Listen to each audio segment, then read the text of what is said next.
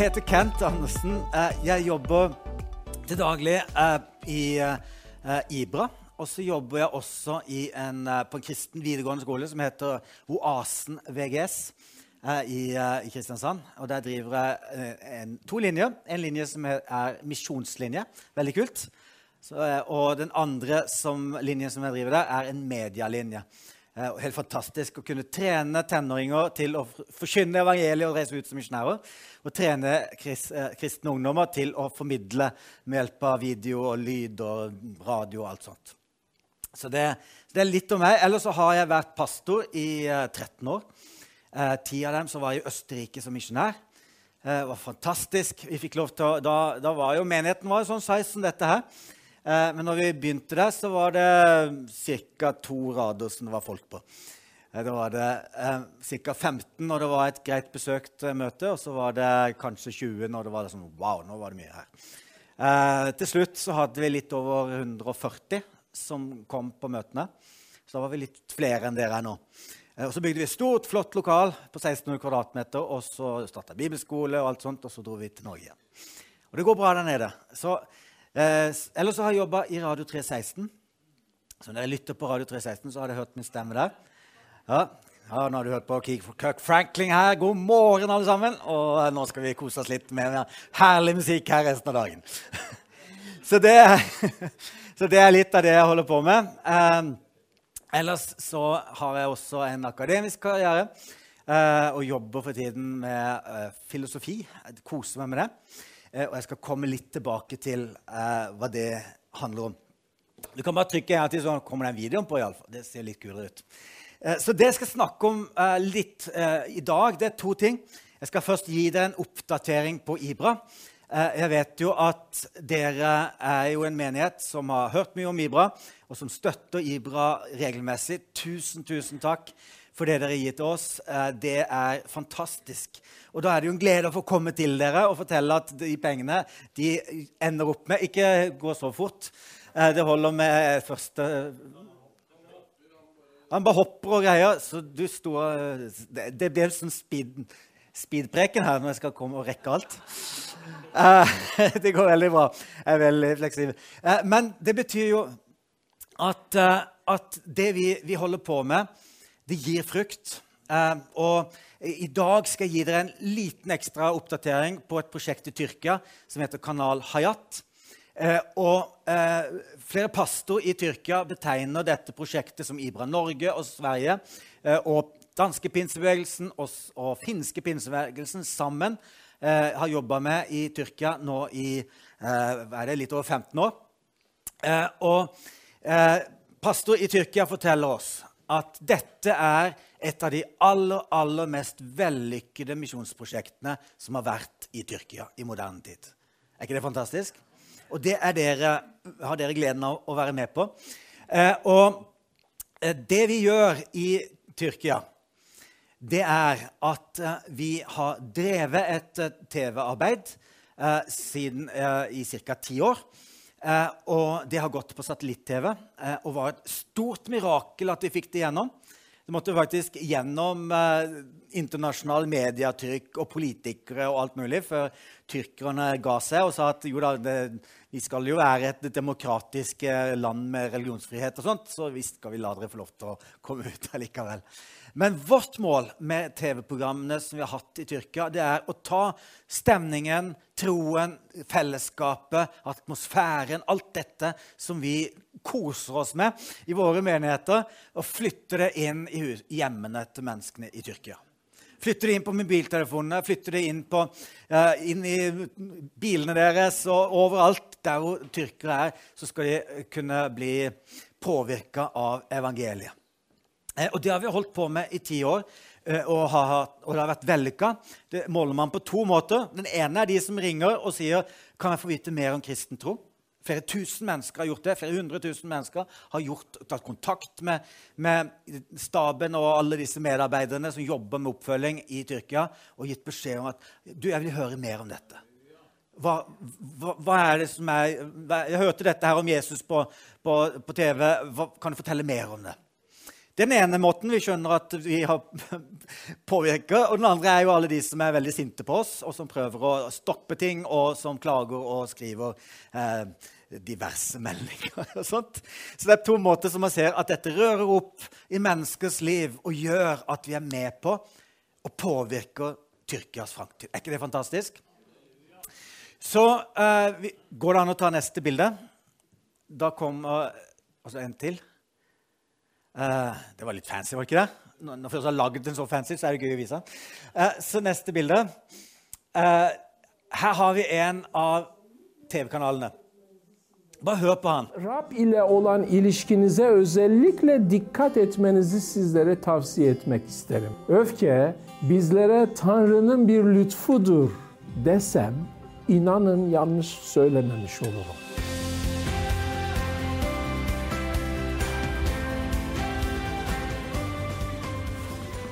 Jeg skjønner ingenting av hva han sier. Bare se på det fantastiske ut, eh, utstrålingen han har i ansiktet sitt. Ser du? Eh, jeg har ikke møtt han ennå. Jeg gleder meg til jeg får sett meg ned og bli kjent med denne mannen. Eh, men dette er en av de som driver TV-sendingene, en av tyrkerne. og når vi begynte å planlegge Kanal Hayat, så sa de dere kommer aldri til å finne noen pastor i Tyrkia som er villig til å gå ut på TV. Dere kommer aldri til å finne teknikere og VM-medarbeidere som vil hjelpe dere, men de dukka opp. Så, så, nå er det uh, flere ulike uh, pastorer og forkynnere og lærere har, og folk som kan kommunikasjon, som nå er engasjert i å få ut evangeliet på, på TV eh, i Tyrkia. Det dere ser her, det er da vår YouTube-kanal. og Eh, det som har skjedd i Tyrkia, som også har skjedd i Norge, det er jo at i dag lytter jo og kikker jo veldig få folk på lineær-TV. Det vil si, lineær TV det er NRK og TV 2. og eh, sånt. Du, de sender ut et budskap, og så, så, må du bare prikke inn rett tidspunkt for å se. Er det noen som husker åssen det var? Mine barn vet ikke hva det er for noe. Men eh, det er sånn at majoriteten av Tyrkias befolkning de konsumerer media på mobilen på YouTube, på sosiale medier, på TikTok, på den type kanaler. Eh, og det er der de blir påvirka. Så Det betyr at lineær TV over satellitt det er ikke framtiden. Og derfor har vi eh, i de siste årene jobba med å omstille produksjonen og måten vi jobber på, til, et, til en annen virkelighet enn det som eh, var når vi begynte med TV-arbeidet. Eh, og I juni så lanserte vi da eh, vår nysatsing på YouTube. Og, og, da, og, Det er jo ikke så voldsomt, det kan du tenke. Men for å slå igjennom på YouTube så er du avhengig av eh, å kunne triksene og kunne prinsippene for å formidle på sosiale medier. For der konkurrerer du med milliarder av andre budskap eh, som du skal prøve å presse deg igjennom på. Eh, og da har eh, Ibra fått et samarbeid med TBN. Eh, og TBN eh, har da valgt Ibra som en partner i et eh, pilotprosjekt hvor de skal ta sin kunnskap fra USA og på hvordan de bruker sosiale medier, og investere dette inn i misjon.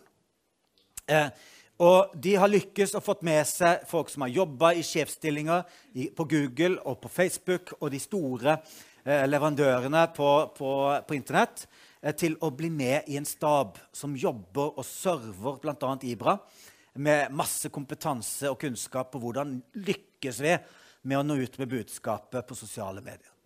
En gjennomsnittlig tyrker bruker åtte timer på sosiale medier om dagen. Det er veldig veldig mye. Det er, ingen, land i Europa som har høyere antall. Og det gjør de når de sitter på bussen, når de er hjemme, når de er på skolen sånt. Uh, og, uh, og, det som er, det er at når vi begynte i juni, så hadde vi null som kikka på kanalen vår. Og fram til Dette er en screenshot uh, fra, fra, noen måneder siden, fra to måneder siden. Men i løpet av fire måneder så hadde vi steget til 36 000 abonnenter på YouTube. Det er bra. Det er veldig bra. og og det som er, det er at i Tyrkia Nå er det litt ulike tall, men det er en eller annen plass rundt 25 000 evangeliske kristne i Tyrkia. På Facebook-siden fra samme eh, prosjekt med, med Ibra så, eh, så, har vi over 100 000 følgere på Facebook-sida. Tyrkiske følgere. Så vi har, har altså flere som regelmessig hører på budskapet vårt hver dag, enn det fins evangeliske kristne i Tyrkia. Er det fantastisk? Det er et helt utrolig bra Ja, det er bra. Så, eh, så det, og dette er et av prosjektene som dere er med på som menighet. Som dere gir i misjon eh, i menigheten her, så er dette noe som bærer frukt, og som gjør at mennesker blir nådd med evangeliet.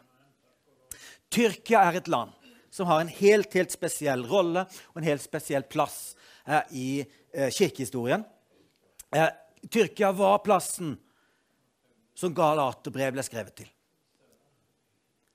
Eh, Tyrkia er plassen hvor, hvor, Paulus var to år i Efesus og forkynte evangeliet. Det er, eh, eh det er til menighetene i Tyrkia som Johannes skriver Johannes' eh, eh, åpenbaring. Så Tyrkia er en plass som har dype kristne røtter, og du finner ruiner dessverre er det ruiner, av kirker overalt i hele Tyrkia. Så dette er altså et land som var det kjerneområdet for kristen tro, der hvor apostlene virka. Eh, Antiokia ligger i dagens Tyrkia, f.eks. Så det betyr jo at arven i Tyrkia når det gjelder kristen tro, strekker seg tilbake til apostlenes gjerninger. Situasjonen i dag er en helt annen enn den var Eh, for eh, noen hundre år siden. På slutten av 1800-tallet så regnet man med at det var en eller annen plass mellom 20 og 30% kristne i Tyrkia. Og Da tenker du kanskje hvor ble de av? Jo, 1,5 millioner av dem ble drept mellom 1917 og 1919 i det som kalles det armenske slash asyriske folkemordet i Tyrkia, hvor hæren omringa byene tvangs, tvang dem til å overgi seg, og så blir de drept. Alle som var over tolv år, de som var yngre, de ble delt ut som, til adopsjon til familiene, til muslimske familier rundt omkring i Tyrkia. På den måten utsletter man store deler av den kristne menigheten i Tyrkia. Og disse byene er i dag helt uten kristne. Eh, så Det betyr at bakgrunnen for evangelisering og misjonsarbeid i Tyrkia har en mørk bakside, men jeg tror at evangeliet kommer til å gå fram i Tyrkia. Så Derfor så er det vi gjør i Tyrkia, viktig. Det er et viktig misjonsarbeid, det er et nybrottsarbeid. Eh, men det er også et land som er matyrenes blod har blitt ofra. Og jeg tror at Gud skal gjøre noe nytt i det landet. Er det fantastisk? Så, eh, så det fantastisk å få lov til å fortelle om dette. Eh, vi tar neste bilde. Eh, og eh, Hvis du vil vite mer om Ibra, så finner du det på ibra.no. Ta neste bilde. Eh, og eh, så vil jeg si litt om hvordan vi jobber i Ibra. og her, her, har vi en sånn det er sånn her spill, tenk deg spillefelt her. Du kaster terning og skal ryke framover. Eh, så første punktet her i veien til Jesus det er jo at når et menneske er på vei inn i et kristent liv, så er det sånn at veldig, veldig mange begynner med en kritisk holdning overfor tro.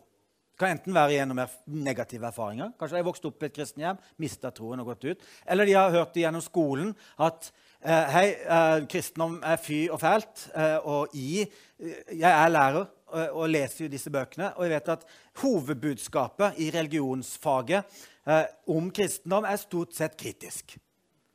Ja, det er fordi du hører om korstogene og heksebrenninger, og du får høre om kristne har vært dumme der, og de har vært dumme der, og de har vært dumme der. Og, og så er det liksom Har du lyst til å bli kristen? Nei, jeg har ikke lyst til det. Jeg har ikke lyst til å være med på alt det der. Eh, så det betyr jo at i, i lærebøkene i Vesten så har du altså en, en vaksinasjonsprosjekt mot kristen tro. Hvor man stort sett er kritisk og negativ overfor det vi står for. Det er helt forferdelig. Eh, men derfor er det ikke så rart at mange er kritiske. Og I Tyrkia er det også sånn. De har vokst opp med et bilde av kristne som fienden. Eh, og dem som man skal forsvare seg mot. Og Det gjør jo at vi har en utfordring med å komme ut med evangeliene. fordi vi må formidle evangeliet på en sånn måte at ikke du legger til nye fordommer, men at du avvæpner fordommene og leder de ett steg nærmere tro. Så hvordan gjør vi det konkret på tyrkisk TV? Jo, vi gjør jo det gjennom at vi forteller hva vi er for. Vi snakker ikke imot ting eller en viss annen religion. Eh, det vi gjør, det er at vi forteller dette er kjærlighet. Dette, vil det si, dette betyr det å tilgi. Dette betyr det å være eh, en etterfølger av Jesus. Se her hva Jesus gjør når han helbreder de syke. Wow, Se på denne kraften Gud viser når folk som er bundet av eh, alkoholisme eller narkotika eller eh, sex eller hva det nå enn er man kan være bundet av. Se hvordan Gud kommer inn i deres liv og befrier dem og gjør dem til et nytt og helt menneske. Det er budskapet. Og det gjør jo at når folk klikker inn på det Å, kan man tilgi? Det har jeg aldri hørt om før. Wow! Skjer det noe inni meg når jeg blir tilgitt? Jeg blir fri. Ho, dette vil jeg ha mer av. Eh, og, så, og, så, skjer det noe. Det samme skjer i, i, våre mediesendinger i, i, Etiopia, i India, i andre stedene hvor vi er aktive med mediearbeid. Vi forkynner et budskap fra møte det. Hva skjer da når den kritiske oppdager at hei, det fins ting her som jeg ikke trodde var der, og som jo faktisk er bra? Jo, man begynner å søke. Du begynner å lete det, det, fundamentet du hadde, begynner å rakne. Du ser at hei, dette i forhold til dette er jo egentlig ganske dårlig. Kanskje dette er sant. Kanskje jeg må gå denne veien. Og Så begynner man å søke og stille spørsmål. Og, det, og, og Derfor har vi også programmer hvor det er spørsmål folk stiller, som blir svart. Eh, som gjør at, at, de som søker, de finner. Eh, og, og, dermed kommer man enda et steg videre. Og Så kommer jo da eh, i neste punkt eh, det som vi eh, har som selvfølgelig målet med all kristen virksomhet, nemlig at mennesker skal komme til tro og bli frelst. Eh, nå tar jeg en liten par, eh, sånn eh, rundt omkring-prat her, rundt, bare for å gjøre dette konkret. Dette er jo samme sannhet her som i Tyrkia. Vi har gjort en feil i våre menigheter. Og det at vi har hatt et veldig fokus på evangelistens tjeneste. Hvor mange ble frelst i dag? Og det er egentlig en, klart, det er veldig bra at man gjør det, og fortell, prater om hvor mange som ble frelst. Men det, og, men det, er jo et tall som er kanskje litt lettere å telle og måle. Så og så mange sa ja, nå tar jeg steget inn i et nytt liv med Jesus. Og så glemmer vi at det fins noen punkter før man tar og gir sitt liv til Jesus. Så om du kjenner deg som en litt sånn mislykka kristen som ikke har bedt med noen til frelse enda, så har du kanskje vært en veldig vellykka kristen i å få mennesker til å være kritiske og negative til å begynne å åpne seg. Kanskje har du vært en kjempebra kristen i å lede en søkende enda et steg nærmere og skulle åpne seg helt og full og tørre ta steget. Oi, tør jeg dette å bli en kristen? Jeg er veldig dårlig i karaoke. Altså, for en som er ufrelst kommer inn på møtet, tror jeg at det er karaoke vi holder på med her hver eneste søndag. Vi synger fra tekst på veggen, og så skal alle synge sammen med den teksten. Og så er det noen som det er jo det bildet folk har av hva menighetsliv holder på med. Jeg, jeg, er ikke noe glad i karaoke. Jeg tror jeg skipper det der med tro. Det, jeg har hørt folk si det. Men men det er jo sånn at det er masse spørsmål har i hodet. Åssen gjør jeg det? Skal jeg løfte opp hendene? Det var veldig rart. Det kan jeg ikke være med på. Det er masse sånne ting som gjør at folk kanskje kjenner seg litt urolig for å bli del av et kristent fellesskap. Det som for deg er naturlig, er veldig veldig rart for veldig mange. Og Det betyr at kanskje er du veldig flink til å dempe alle disse uroene som ligger i mennesker, som kanskje normalt sett, hvis de hadde bare visst hvem Jesus var, hadde de sagt ja med en gang. Hadde de bare visst hva det kristenlivet handler om. Skal kaste dine bekymringer på ham. Wow! Du lever ikke alene lenger. Du lever sammen med en Gud som har en allmektig, allsteds nærværende, fantastisk Gud. Som ikke bare er teoretisk, men som faktisk gjør under og tegn og mirakler og snakker til deg her og nå. Den Jesus. Hadde man visst. Det er jo fantastisk. Så Så hvis du, så hvis du tenker nå, nå er det nyttårssett-tid fortsatt, det varer jo ca. en uke ut i det nye året, I alle fall. Der er vi nå. Så kan du se ja, kanskje jeg skal bli enda flinkere til å avvæpne noen. Kanskje jeg skal bli enda flinkere til å hjelpe noen inn i et fellesskap, ta stegene videre. Og om det er du som tar det steget dit, så er det kanskje noen andre som tar neste steg og å hjelpe deg. Noen andre tar neste dag. Og så kommer det da en eller annen evangelist som tar all æren for at noen ble frelst. Men det er helt greit, bare de blir frelst. Var ikke det en fin måte å tenke på? Ja. Så da fikk du noe som var relevant her også. Eh, vi tar neste punkt. Disippelgjøring. Vi kan ikke, vi kan ikke, det er ikke bare det sånn at du skal bli en kristen, men du skal forbli en kristen også. Du skal, du skal bli trent til å ta de første stegene i tro. Å, eh, det der er veldig skummelt skal jeg åpne munnen og be. Hjelp. Hvordan gjør jeg det? Og så ber du. Og så sier jeg ja, det gikk jo egentlig ganske greit. Hei, Gud. Kan du hjelpe meg? Og så, og så begynner du å gå de stegene med Gud. Vet du hva? Alle som tar imot Jesus, behøver en som står ved siden av dem. Som applauderer for første steg. Er dere med? Akkurat som et baby behøver noen som jubler når de, når de våger å slippe taket på stolen. Og de står der og sveier og sier 'ta et steg'. Ta et steg. Og så tar du et steg. Og så blir det fotografert og lagt ut på Facebook, og hele slekta får vite om at du har tatt første steget. Vet du hva? Det behøver alle når vi kommer ut i et nytt liv med Jesus. Det kan være din oppgave dette året.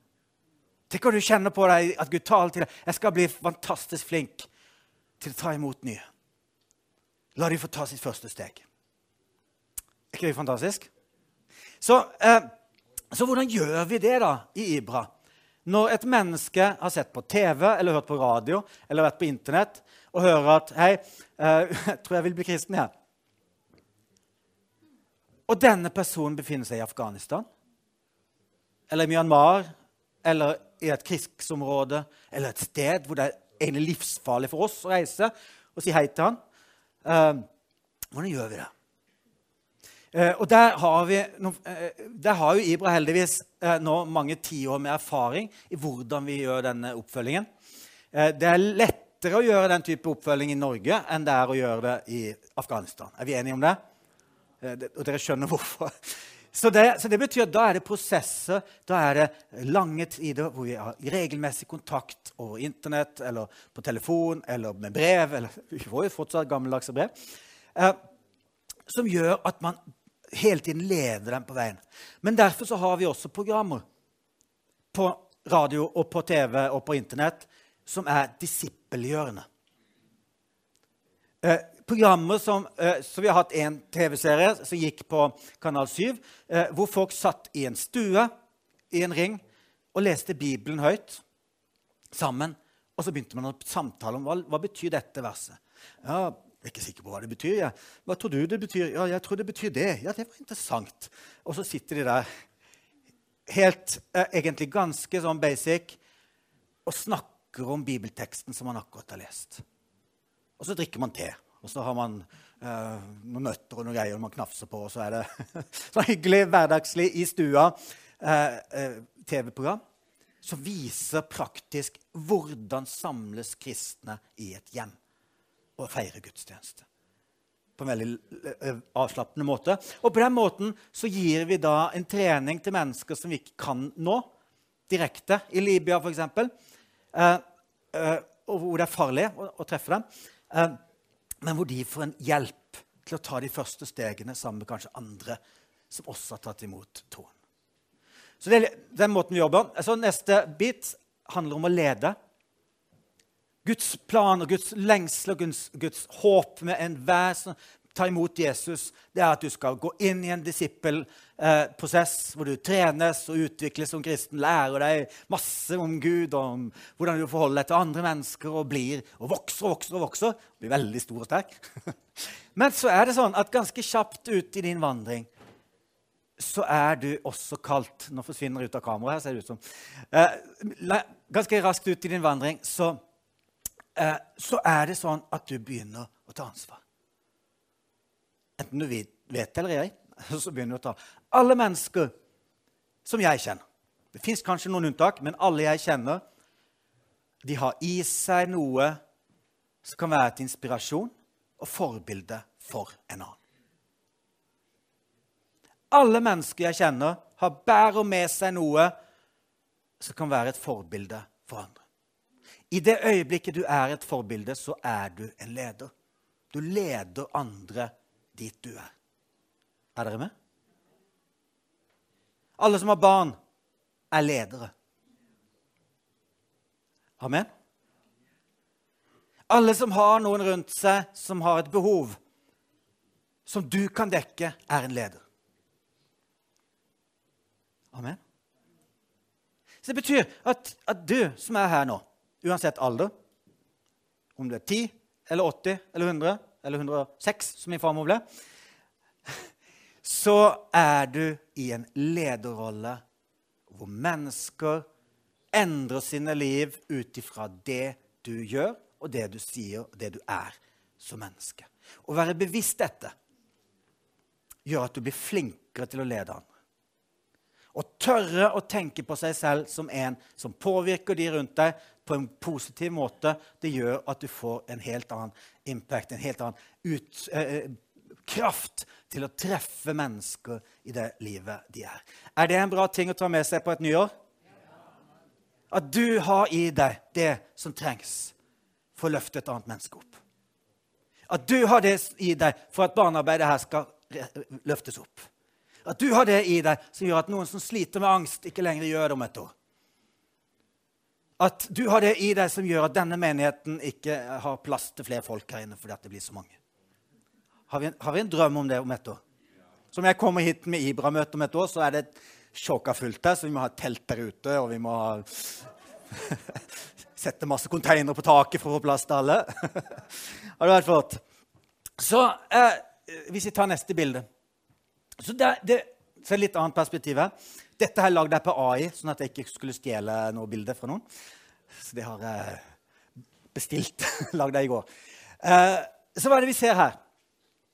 Jo, vi ser Når du fødes på denne planeten, så fødes du inn i en relasjon. Og i den relasjonen så blir du, eh, så blir du utsatt for påvirkning av alle disse menneskene rundt deg som har en interesse i å dytte ting inn i ditt hode. Er det med? Det er noen som kan AI, som begynner å lete etter folk med rare fingre og sånn, tror jeg. Her tar vi neste bilde. Så hva påvirker deg i ditt liv? Hva er det som påvirker deg? Alle er vi Du er naiv om du tror at ikke du blir påvirka av omstendighetene. Påvirka av din oppvekst, påvirka av alt som skjer rundt deg i samfunnet. Påvirka av nyheter og av eh, været og årstider. Og nå er det mørkt, nå er jeg deprimert. Jeg skjønner ikke hvorfor.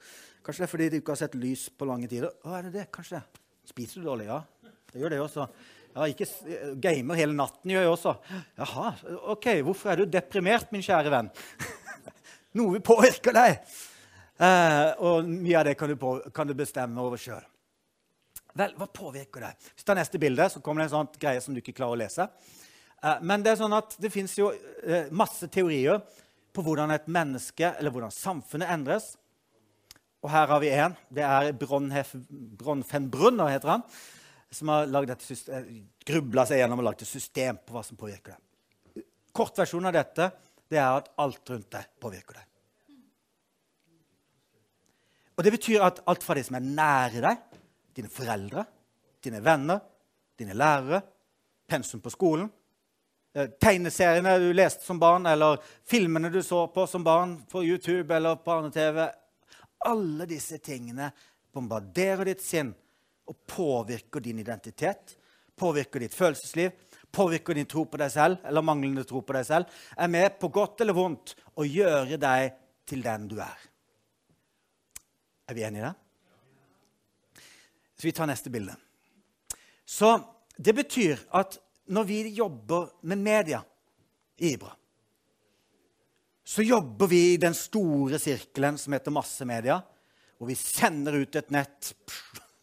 Vi vet ikke egentlig alltid hvor mye hvem vi treffer, og hvor mange vi treffer, men vi vet at nå er vi på den arenaen hvor den store påvirkningskraften er i vårt samfunn.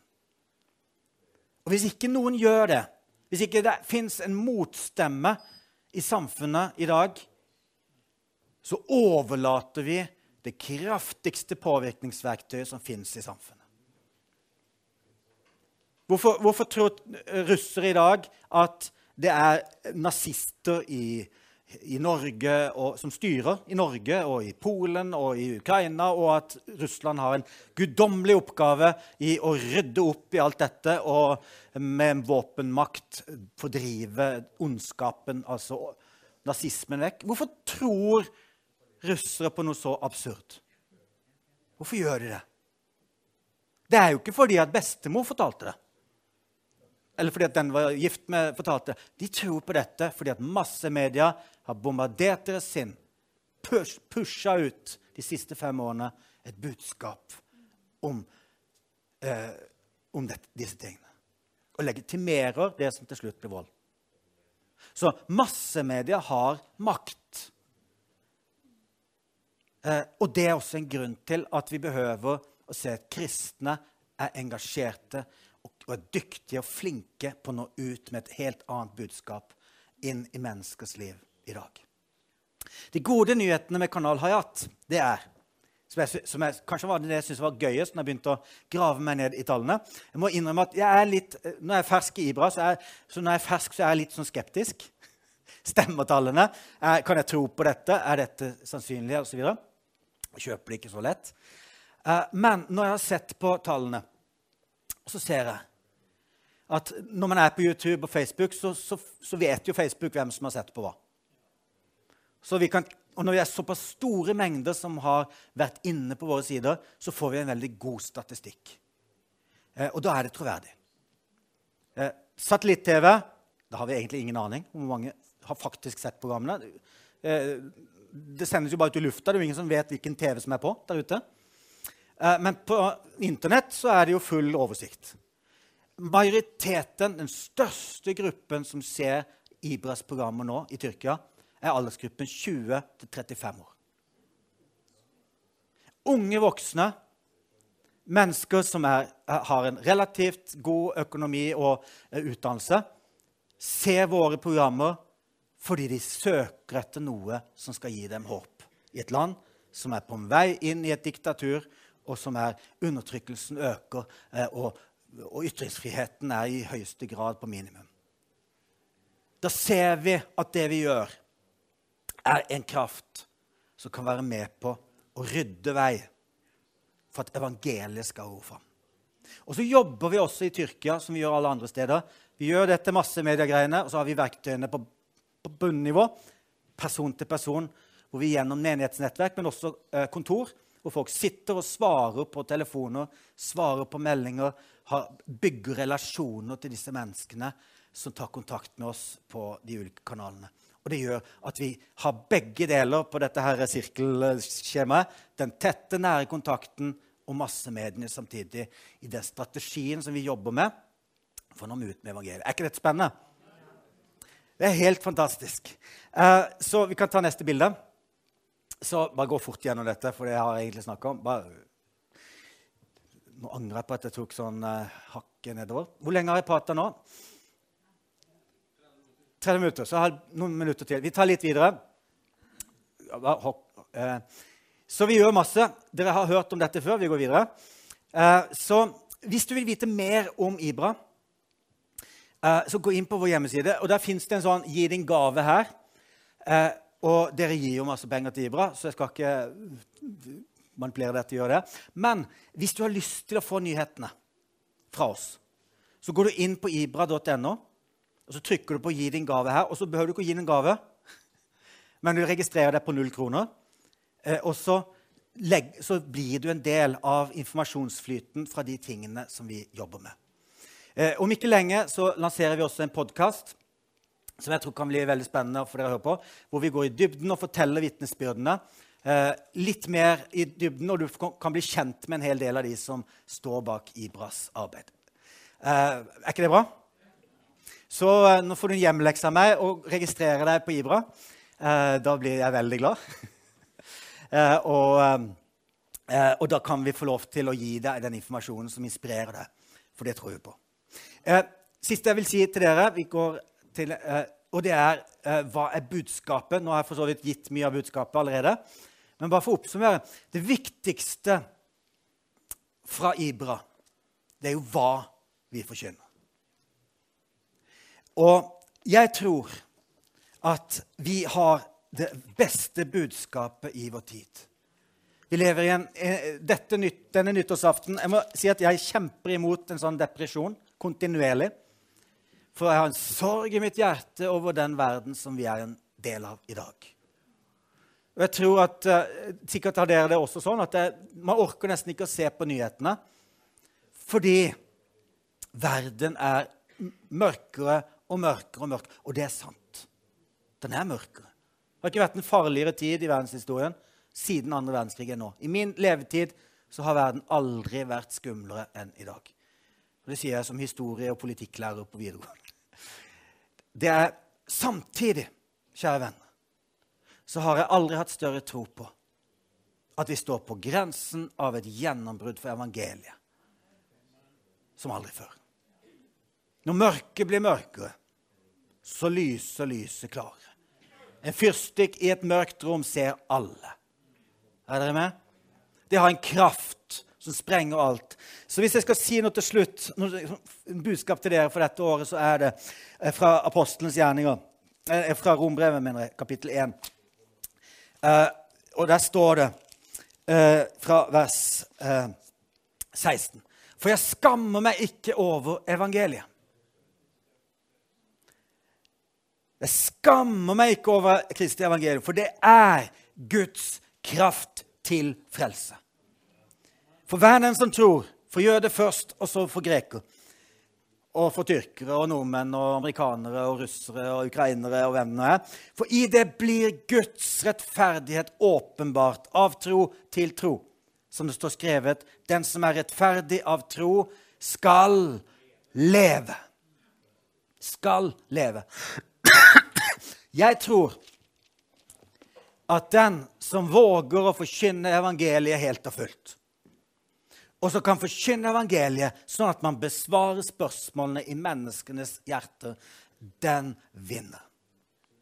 Det er en kamp om menneskers sinn i dag, men en kamp som egentlig allerede er vunnet i det øyeblikket evangeliet blir talt ut.